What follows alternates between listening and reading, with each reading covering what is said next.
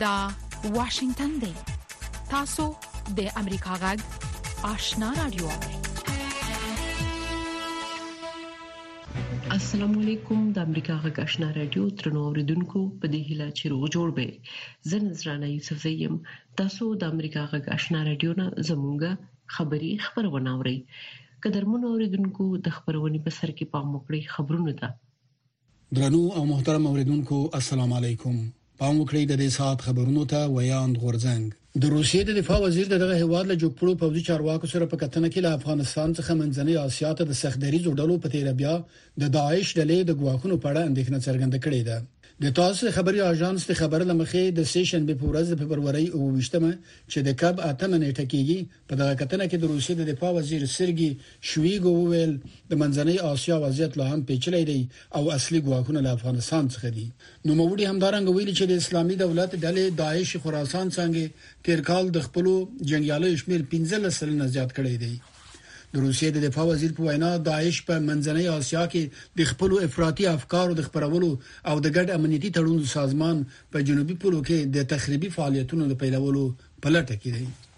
طالبانو د افغانستان په تړاو د امنیت د شورا وروستۍ غونډې او دغه شورا د یو لسغړو لخوا د ټولو هغو لارښوونو چې د خځو او جنو د حقونو د محدودیت سبب ګرځي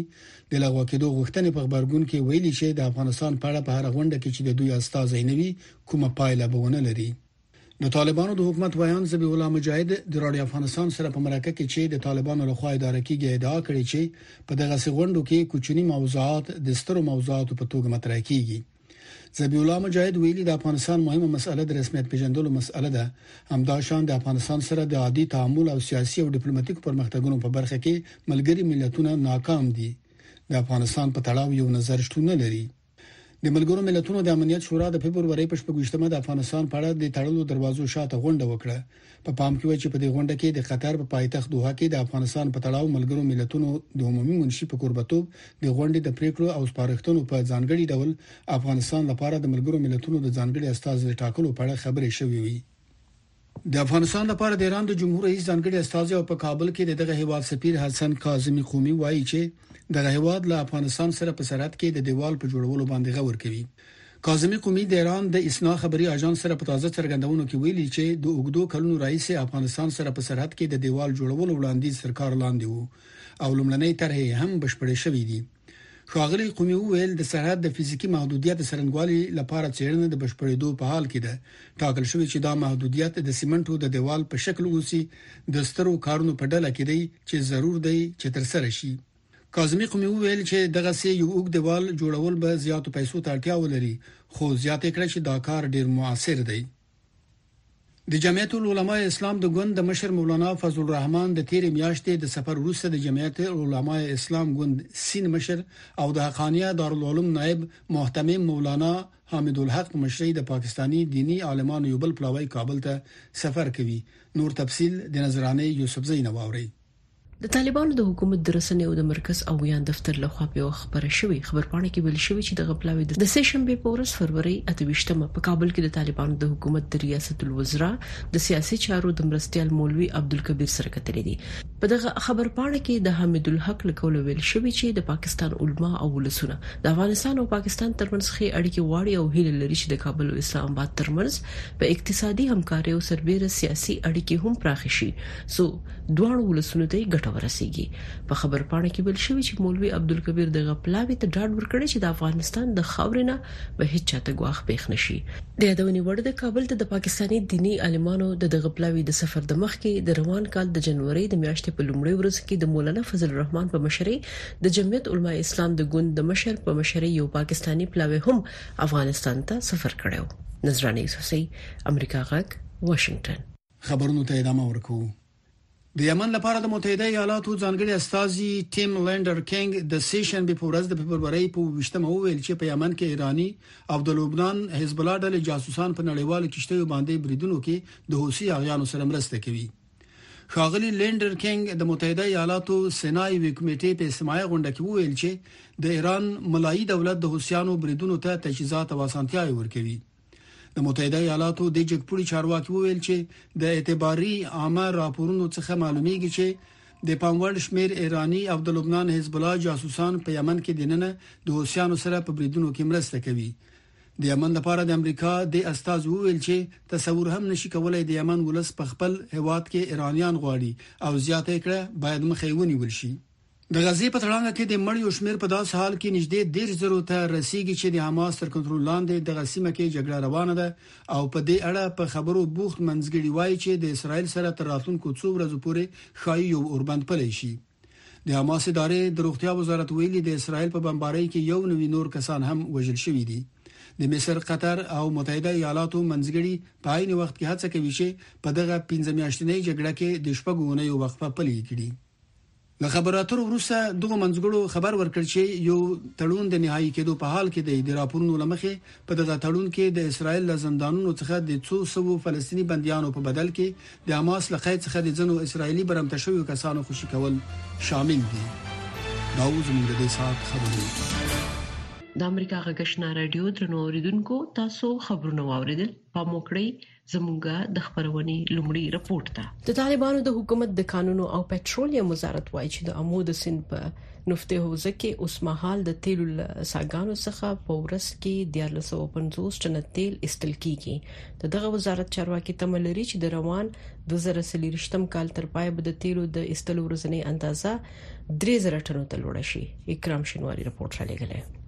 د طالبانو د حکومت د کانونو او پېټرولیم وزارت د افغانستان د شمال د عمود سیندیزي حوزې د تیلو د ایستلو په ساحه کې د تیلو د شپږو نوو څاګانو د فعالېدو خبر ورکړی او ویلي دي چې دغه څاګانو څخه د تیلو د ایستلو د بهیر د پیل وروسته اوس مهال له دغه ساحې څخه هر ورځ تر 1350 ټنو پورې خام تیل ایستل کیږي د دغه وزارت وایند همین افغان د ایکس په ټولنیزه شبکه کې په یو پیغام کې ویلي چې د روان 2023 کال تر پایه به د دغه ساحې څخه د تیلو د ایستلو اندازه په ورځ کې 3000 ټنو ته لوړه شي امودریا نفتی حوزه کې شپږ نوې څاګان حفاری او فعال شولې چې په دې سره د ټولو فعالو څاګانو شمیر چې په خوا اتل څاګانې وي څلېرویشت څاګانو ته لوړ شو، همداراز د استخراج ورځنۍ سطحه چې پخوا یوولس سوه ټنه شاوخوا وه اوس دیارلس نیم سوه ټنه ته ورسېدله او همداراز پلان کې ده چې د دوه زره څلېرویشت کال تر پایه پورې د امودریا نفتي حوزې په مختلفو برخو کې درویشت نوې څاګانې حفاري او فعالې شي چې په دې سره به د کال تر پایه پورې زموږ د فعالو څاګانو شمېر اووه څلوېښت ته لوړ شي. همداراز تمه ده چې د استخراج ورځنۍ سطحه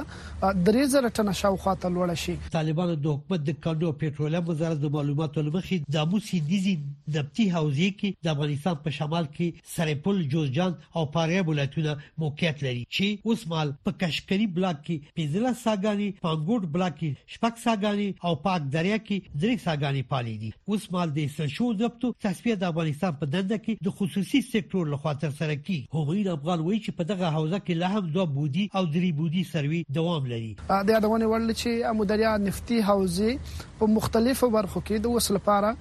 دوه بعدي او درې بعدي سروېګانې روانې دي، همدا راز د نفتو لپاره د نوي ذخیرو په ایجاد او د نویو ودانیو په جوړولو باندې هم کارونه روان دي او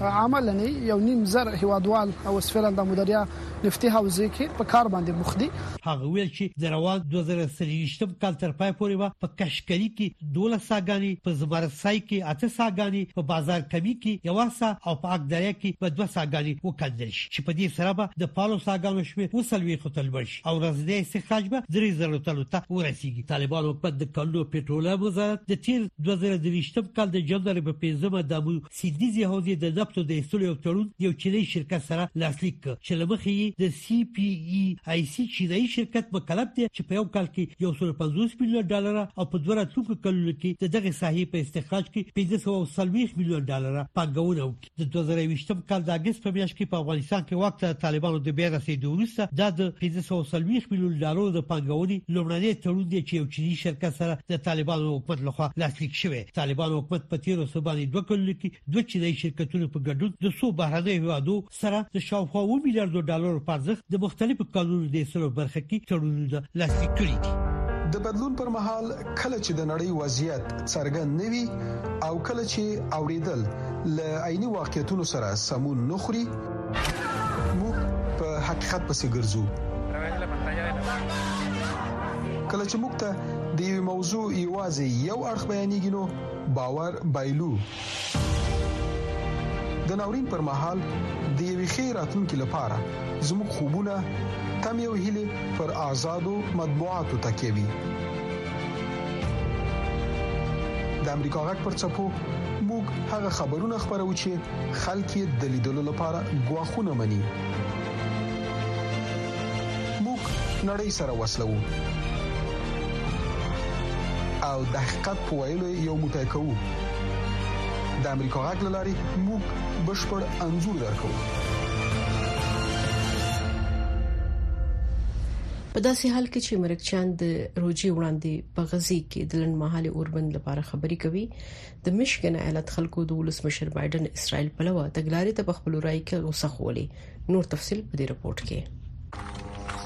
د غزي په سویلي ښار رفح کې د اسرایلیانو هوایي بریدونه دوام لري چیرې چې له یو میلیون څخه ډیر فلسطینیان په داسې حال کې د خوندیتوب په لټه کې دي چې مذاکره کوونکي د روجي د میاشتې نمخ کې د لندمحاله اوربند لپاره هڅه کوي زما هیله دا ده چې تر راتلونکي دوشنبه پورې به اوربند وشي په غزه کې پرمختګ د ولسمشر جو بایدن لپاره مهمه ده ځکه چې هغه د غزې د مرګ جوړبلې لامل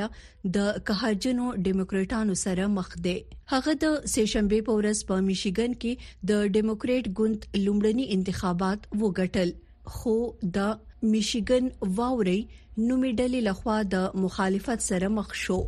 یاد ایالت کې ګڼ شمېر امریکایي عربان ژوند کوي د ډلې خلک هڅوو چې بېژمنې رائے ورکړي ترڅو په بایدن فشار راوړي چې د دایمي اوربند ملاتړ وکړي مونږ فکر کاوه چې هغه به د انسانيت او شفقت سره د دې هواد رهبری وکړي خو هغه په دوه مخې سره رهبری کوي په ملي کچه عرب او مسلمانان امریکایان ډیر رای ورکوونکي نه دي خو په میشیګن کې د غیر ژمنو رایو اندازه به دا په ګوته کړي چې امریکایان څومره پکلکه د بایدن د غزي تګلارې رد کوي د میشیګن ایالتي پانتون نه لوړ پوړي دیموکراتان ګومان کوي چې دیموکراتان به رائے ورکړي او بایډن ته برای ورکړي ځکه چې بل انتخاب ډیر واشدناک او ویرونکي دی د جګړې پر ضد د کرکې یو بل اړخ دا دی چې د امریکا د هوایي ځواک لوړپوړي غړي ایرون بوشنل د اسرایلو د سفارت مخې ته په احتجاج کې ځان ته اور واچوو سپینی ماړې د هغه مړینا یو وحشتناک غمی زبللې ده مونږ پویګو چې د دې ټولنې لپاره دا څه معنی لري او ولسمشر هم په دې پوهیږي خو موږ دې ته ډیره پاملرنه کوو او دا چې ټولنه له څه تیریږي د بایدن ناقدین وايي سره د دې چې یو شمېر ټولپوښتنې خای چې د امریکایانو زیاتې دونکو شمیره په غزه کې د دایمي اوربند ملاتړ کوي خو وايي بایدن ورته غوږ نه ایږدي دوی د بسنه ورکوونکو خبرو ته غوږ نیسي او دوی د فشار ډلو ته غوږ نیسي نو د ګوند د ځواک مرکز چیرته دی د حکومت سره دی په ګوند کې د رای اکثریت چیرته دی د ترقی غوښتونکو څنګه سره دی دا هغه کسان دي چې احساس کوي عدالت او سوله د اوسنۍ تګلارې لمخې خنه ده تر سره شوه په 2014 کې په خواني ولسمشر ډونلډ ټرمپ میشیګن ایالت د 11000 څخه په کمو رایو ګټلې وو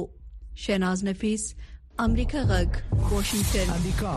یو له هغو هیوادونو څخه چې د نړۍ له ګوټ ګوټ څخه د بیلابیلو کلتورونو، دودونو، ملیتونو او ارزښتونو کوربه دی.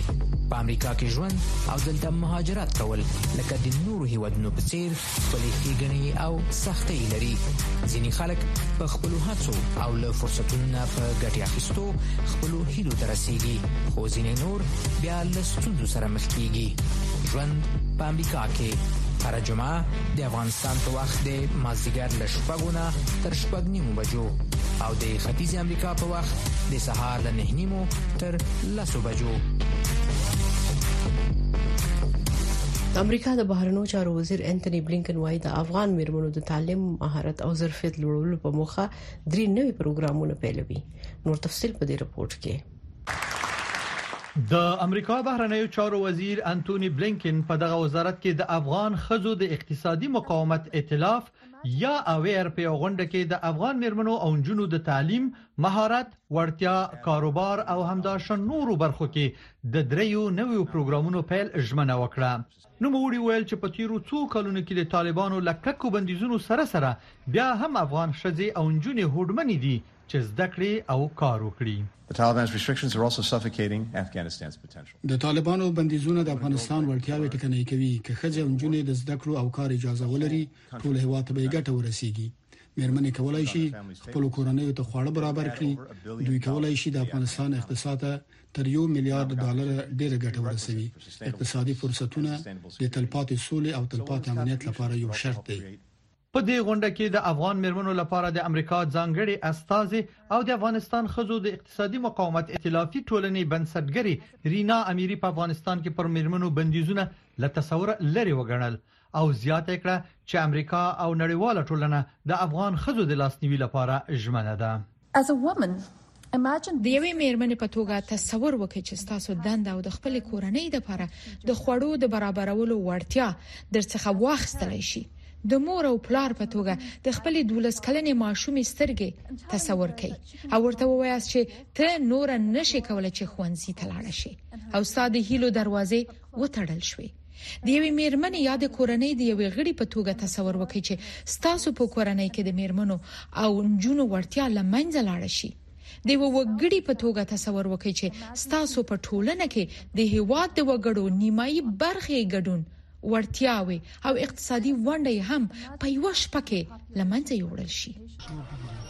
په افغانستان کې میرمنې دا ډول پروګرامونو ته په مثبت نظر ګوري خو وايي چې دا پانګونه باید په افغانستان کې په بندو پاتو میرمنو وشي. دا غونډې مؤثریت لري افغان ښځو لپاره اما زموږ غوښتنه پیلوان د یوې افغان ښځې چې فعلا په افغانستان کې ژوند کوي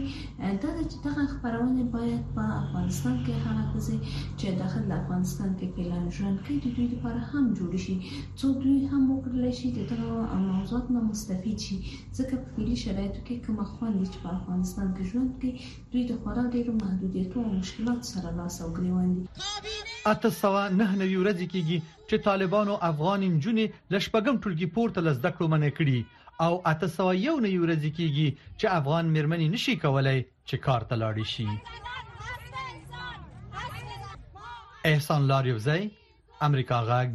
واشنگټن طالبانو د افغانستان له دننه د امریکا غږ راډیو خبرونه درولې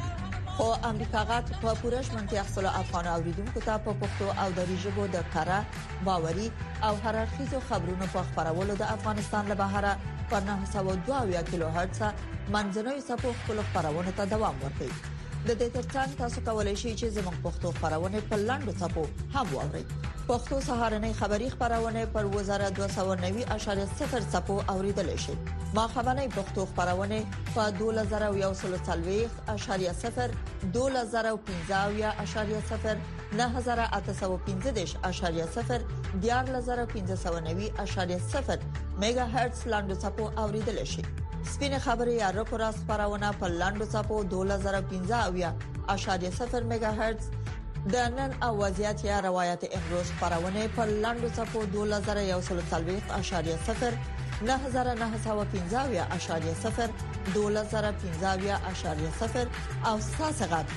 یا صداي شما خبرونه پر لاندو صفو 2513.0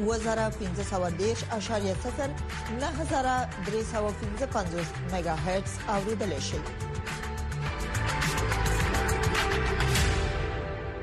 د دوه د تړون د لاسلیک سو سلور کاله پوره کېدو په درشل کې په افغانستان کې د امریکا د سفارت په خوانی مرستيالي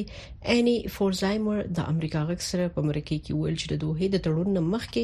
دا روښانه وه چې طالبان بشري حقوقو او د میرمنو حقوقو ته درناوی نه کوي نور تفصيل د مرکه کې Um, د دوه د تړون د لاسلیک څلور کاله پوره شول په ټوله کې د تړون او پال ته په کومه سترګه ګورئ په ټوله کې موږ پوهیږو چې دا یو تر ټولو ناوړه تړون و چې متحده ایالاتو یې په اړه مذاکرات وکړل او لاسلیک کړ زه په دې باور یم چې دا تړون باید په رسمي توګه لغوه شي په بل معنا موږ یې باید څیرې کړو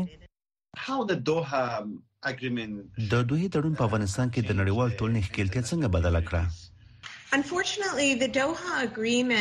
په خواشینۍ سره د دوه تړون د هغې نظریې پر بنسټ ولاړ و چې بین الافغاني مذاکرات به تر سره کیږي او په یو ډول نړیوال تضمین و چې طالبان به پر هیواد نه واکمن کیږي خو تاسو ولیدل چې څه وشول له مناسب وخت څخه مخکې ځواکونه ووتل 15000 بندیان خوشی شول چې اکثره یې د طالبانو مهم غړي وو پویږي دا په یو ډول د طالبانو لپاره اخلاقی بریا و چې د نړۍ زبرځواک سره مذاکرات کوي او د هیواد واک ترلاسه کړ او هغه دیموکراتیک او منتخب حکومت چې زموږ متحد وو کمزوري کړای شو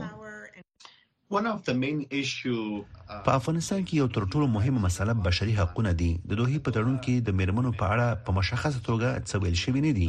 د مېرمنو د حقونو فعالانې وايي چې د دوی اندېښنې په پام کې نیول شوې نه دي، نو ځکه طالبان بشري حقونو ته درناوی نه کوي. په اړه یې ستاسو نظر څه دی؟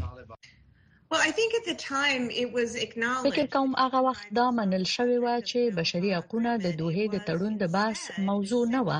پر ځای یې د متحده ایالاتو لپاره د وتلو مهال ویش وو هغه کسان چې د دوحې په تړون کې ښکیل وو بشري حقونو ته لومړیتوب ورنکړ هغه داسې فکر کاوه چې بین الافغاني مذاکراتو کې به بشري حقونه وساتل شي خو موږ ولیدل طالبان چې د افغانستان په کوم سیمو کې حاکم وو ډېره روښانه وه چې هېڅ اراده یې نه درلودله چې نړیوالو بشري حقونو ته درناوی وکړي. د دوحې په مذاکراتو کې د طالبانو په مذاکراتي ټیم کې هېڅ کومه مېرمن نه وه، ایا فکر کوئ آن طالبان د مېرمنو حضور ته ارزښت نه ورکاوه او دا په نولس سوه نوي کلونو کې بېرته د طالبانو راستنېدو نښه وګڼل شي؟ که څه هم په عام محضر کې د طالبانو ځینې غړي د مېرمنو د حقونو خوندي کولو په اړه ژمنې کوي، فکر نه کوم څوک پر دې ژمنو باور وکړي او زه دا تصور هم نه کوم چې د مذاکراتو پر میز به د طالبانو میرمنې څه ډول ښکار کېدای هغه به اجازه نه درلودله چې څو وایي او خپل مخ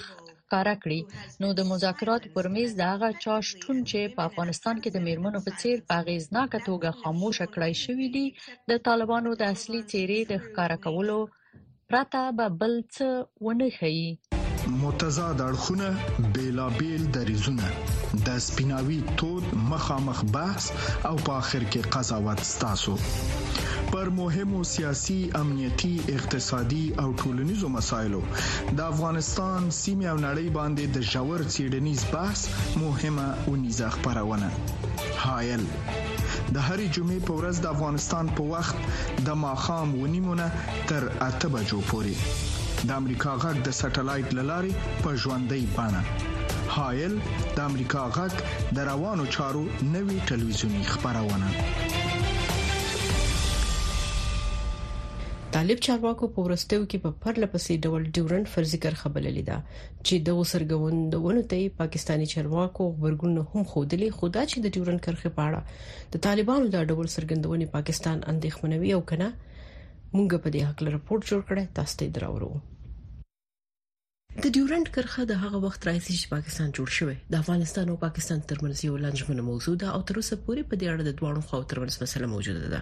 په دې لړ کې ورستۍ سرګندونې د طالبانو د حکومت د بهرنیو چارو وزارت د سیاسي مرستیال شیر محمد عباس ستانکزی دی چې د افغانستان او پاکستان ترمنځ د تګ راتګ د پاره د پاسپورت او ویزې د غوښتنې سره د مخالفت څرګندولو په مهال ویل چې دوی د ډیورن کرخه پر رسمیت نه پیژني د پاکستان حکومت د 2023م کال د نومبر د لومړۍ نیټې نه د افغانستان نه پاکستان ته د تګ راتګ لپاره د ویزې شرط ښه چې د حکومت د دغه پریکړې په ضد په چمن کې د سکم 13 میاشتو راهیسې احتجاجي پرلت دوام لري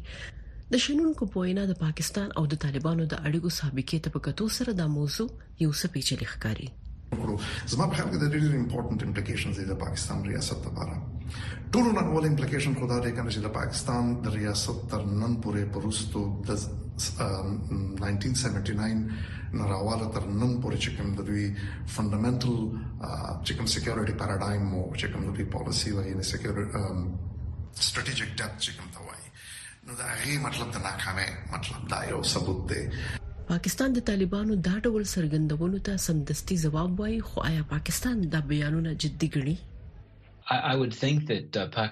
زما په فکر پاکستان د طالبانو د دې وینا په اړه اندېښمن دی ځکه د پاکستان ادارې د ډېرې اوږدې مودې راهیسې د کرخې دواړو خواو ته د پښتنو نه دا ویره لري چې دوی به یو ځای شي او پاکستان ته به ګواښ پیښ کړي د دې د حقیقت سره تړاو نشته، خو دا د ډېرې مودې نه د پاکستان اندېښنه ده. خو پاکستان او طالبانو ترمنځ د دغو په ظاهره ترینګلو اړیکو په اړه د پاکستان د سنا پخوانی غړی افراسیاب خټک شک څرګندوي او وايي چې دا یوازې سیاسي لوبې دي او د دوی اړیکې خرابې نه دي.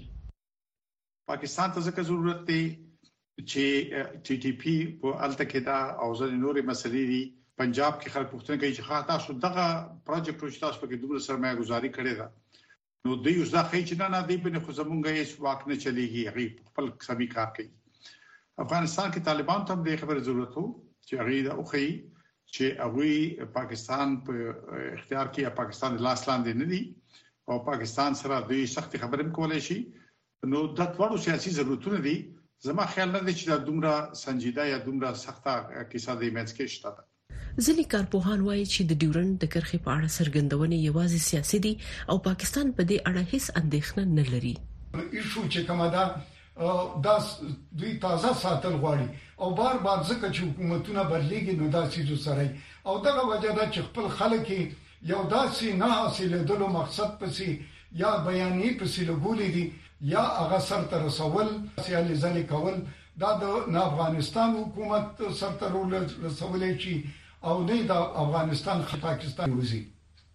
دا وخت د پاکستان او افغانستان طالبانو ترمنځ یو بل تر ټولو توده مسله د پاکستان د تحریک طالبان موضوع ده چې د پاکستان په وینا طالبان ورته پناه ورکوي او طالبان وایي چې پاکستان د خپل داخلي مسلې په خپل حل کړي درنو اوریدونکو دا د اوس په یو سرمقاله ووري چې د امریکا د حکومت نظر څرګندوي متحده ایالات د انټرنیټ د مجازي شبکې یا وی پی ان د کارولو په اړوند د ایران د رژیم پریکړه غندي د وی پی ان شبکه انټرنیټي اړیکی او ارتباطات په شفر اړي د کارکونکو هویت پر اس کې ساتي او یا یې غږ بدلی ترڅو چې د ای پی اډرس رسوا نشي د سایبر سپیس یا مجازي فضا لپاره د ایران عالی شورا پرته له قانوني لایسنس نه د وی پی انز د شبکې استعمالول یو مجرمانه عمل ګرځولې دی د متحده ایالاتو د بهرنی چارو د وزارت ویان میتیو میلر د ایران د رژیم د دې پریکړې په اړه ویل چې دا پریکړه مونږ ته دا خبره یو ځل بیا را پیادې چې د ایران رژیم څومره ډیر لخپل خلکو نه په ویره کې دی او دا حقیقت هم جوتای کله چې خلک له محدودیتونو پرته انټرنیټ ته لاسرسي ولري او بې له محدودیته معلوماتو ته لاسرسي پیدا کړي هر څه چې وغواړي کولای شي چې وکی کومې ګډوډۍ چې د ایران رژیم کاری په تیر وختونو کې د ایران اقتصاد ته په میلیارډونو ډالر زیان اړولې ملر زیاته کړه چې سوداګریو ته زیان ورسوي او البته کم خلک چې د خپل ژوند او خپل راتلونکو په اړه د پریکړو په خاطر ورته اړتیا لري د معلوماتو له لاس راوړل نه به برخه کړل ویان میتیو میلر ویل چې په تیر وخت کې په ځانګړي توګه په 2022م او 2023م میلادي کې چې په ایران کې احتجاجونه په اوج کې وو په هارو دریو ایرانیانو کې لږ تر لږه یو کس د وی پی ان په څیر د سانسور ضد آلاتونه چې متحده ایالات ملاتړ کوي استفاده کوله هغه زیاته کړه چې په میلیونونو ایرانیان لګیا دي انترنت پورې دا ډیجیټلي آلات کاروي د انټرنیټ د ازادۍ خوندي ساتل او انټرنیټ ته د لاسرسي درلودلو په اړه ډاټ حاصلول به په دوامدار توګه لاغه هوا سره زمنګ د تفاهم یوه مهمه او کلیدي موضوع د متحده ایالاتو د بهرنی چار وزیر انټون بلینکن هم ویل دي غواړو په دې اړه د ډاټ په لاس راوړلو کې له ایرانیانو سره مرسته وکړو چې د ایران خلک به نور ګوخه په تورتم کې نه ساتل کیږي